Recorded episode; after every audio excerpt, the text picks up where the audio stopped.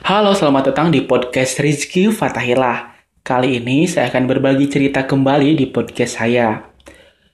Oke, sebelumnya saya informasikan bahwa podcast Rizky Fatahillah akan tayang setiap hari Selasa dan hari Sabtu di jam pukul 20.00. Jadi jam 8 malam, kalian stay tune, stay tune terus podcast dari saya. Nah, Sebelum kita bercerita, saya juga akan beritahu kepada kalian bahwa untuk update-update terbaru dari podcast Rizky Fatahillah bisa follow akun Instagramnya podcast Rizky Fatahillah. Di situ akan ada updatean-updatean semuanya dari podcast saya kali ini. Ya, oke okay, kita langsung saja ke judul yang saya kita akan bahas kali ini. Nah, judulnya adalah kepala di balik tempat sampah. Ya betul sekali. Jadi kejadiannya pada saat itu di saat hari libur panjang tahun baru pada saat saya kelas 4 SD diajaklah oleh saudara saya mengunjungi anaknya yang sekarang sedang mengenyam pendidikan di universitas yang ada di kota Bandung pada saat itu. Kejadian ini telah berlangsung pada tahun 2016 dan kejadian ini pun membekas di dalam diri saya sehingga saya bisa menghafalnya. Jadi anak saudara saya itu mengekos di suatu rumah kos yang tidak jauh dari universitas tersebut. Saya tidak akan sebutkan di mana dan di mananya, akan tetapi saya pada saat itu berkunjung ke sana itu selama empat hari. Dua hari untuk berjalan-jalan dan dua hari untuk bercengkrama pada saat itu ya. Nah, hari-hari pun berlalu. Setelah itu, hari itu hari ketiga. Tiga di rumah kos.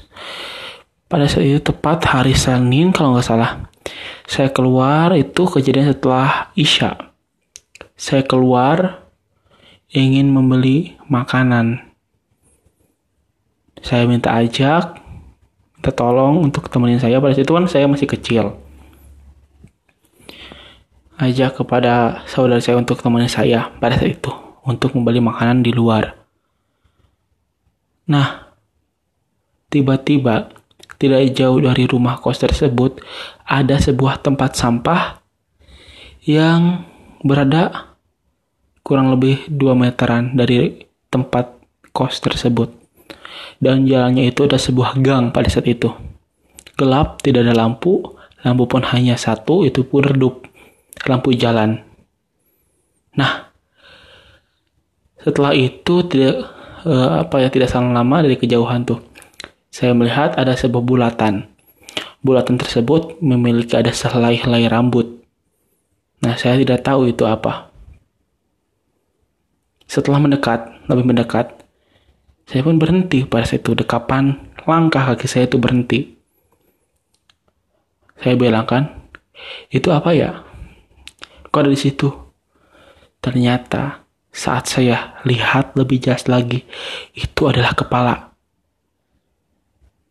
Oke, kepala. Saya hanya ingin bercerita kepada kalian tentang kejadian yang pernah saya alami.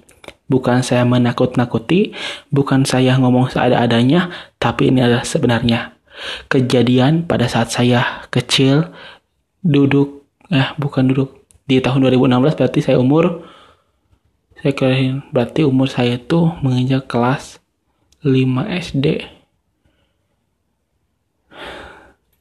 Iya betul, kelas 5 SD. Nah, setelah itu saya pun kaget. Kenapa ada kepala di balik tong sampah? Tempat sampah pembuangan sampah kalian pasti tahu ya. E, tong untuk yang suka ada di pasar tradisional itu tong minyak. Nah, seperti itu. Jadi si kepala itu menongol dari pinggir dari pinggir tempat sampah tersebut.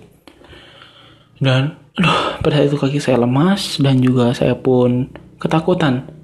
untuk meminta Paul pulang. Ya memang sih kalau anak seumur saya seperti itu tuh penakut.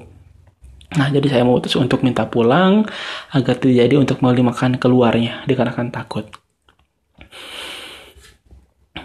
Alih-alih ternyata setelah saya bercerita gini itu gini itunya si ibu punya kontrakan itu itu. Yang punya kontrakan ibu-ibu ya. Bilang memang di situ sering menampakkan sosok hantu tanpa badan alias hantu kepala. Ya spontan kaget. Kaget sekali.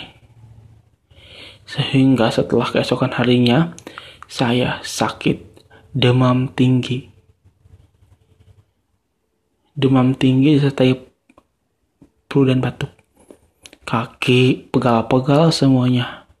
Tidak tahu kenapa. Mungkin sebagian orang tidak percaya dengan cerita saya kali ini. Tapi saya tidak memaksakan apa yang saya percaya untuk kalian percaya. Saya hanya ingin berbagi cerita. Nah, tidak selang lama, untungnya keesokan harinya itu saya pulang kembali ke tempat asal saya. Karena waktu berkunjung telah habis pada saat itu. Setelah pulang, saya pun masih tetap sakit. Lalu saya berobat terus, berobat terus. Alhamdulillah, dengan izin Tuhan, saya pun sembuh. Nah, setelah tiba di kampung itu, kampung halaman saya, Tiba-tiba pada saat malam itu saya mimpi didatangi oleh sosok yang saya lihat di kota Bandung. Kosan tersebut ternyata mukanya seperti falak. Kalian tahu falak? Ya, tapi tanpa badan. Cuma kepalanya saja. Itu saya sampai tidak bisa berbicara atau yang bahasa Sundanya itu erep-erep. Kalian juga bisa apa uh, bisa mengetahui apa itu erep-erep yaitu di podcast saya di episode 6 bersama Dewi Wulan. Kalian bisa dengarkan di podcast saya ya. Nah, pada itu saya erep-erep. Kaki saya seperti tidak bisa digerakkan dan juga mimpi saya mimpi sangat ketakutan. Dia bilang, "Tolong, tolong, dan tolong." Itu yang diucapkan dari kata mulut dia. Dan saya membaca doa terus menerus agar terhindar dari kejadian tersebut. Alhamdulillah setelah saya berdoa, mimpi pun tiada. Nah, mungkin kalian juga pernah mengalami hal seperti saya. Nah, intinya kita jangan takut kepada mereka-mereka yang tidak terlihat atau makhluk gaib. Kita hanya takut kepada Tuhan yang Maha Esa. Mereka juga ciptaan Tuhan, sama halnya dengan kita. Asalkan kita percaya, berpendirian, beriman kepada Tuhan yang kita percayai, yaitu Allah Subhanahu wa taala. Jadi, kalian apabila bertemu dengan hal-hal tersebut, kalian cukup membaca Al-Qur'an dan juga dengan mantap hati mereka akan pergi. Kuasa Tuhan, kuasa segalanya. Jadi, pelajaran yang kita ambil dari podcast saya kali ini, kalian tidak usah takut. Ya, tetap semangat untuk menjalani hidup. Kalian harus tetap fit untuk menjalani hari-hari agar terhindar dari hal-hal yang negatif. Sekian podcast dari podcast Rizky Fatahillah di episode 7 kali ini. Semoga saya akan memberikan cerita-cerita yang menarik lebih menarik dan lebih menarik kembali. Oke, sampai jumpa. Wassalamualaikum warahmatullahi wabarakatuh. Bye.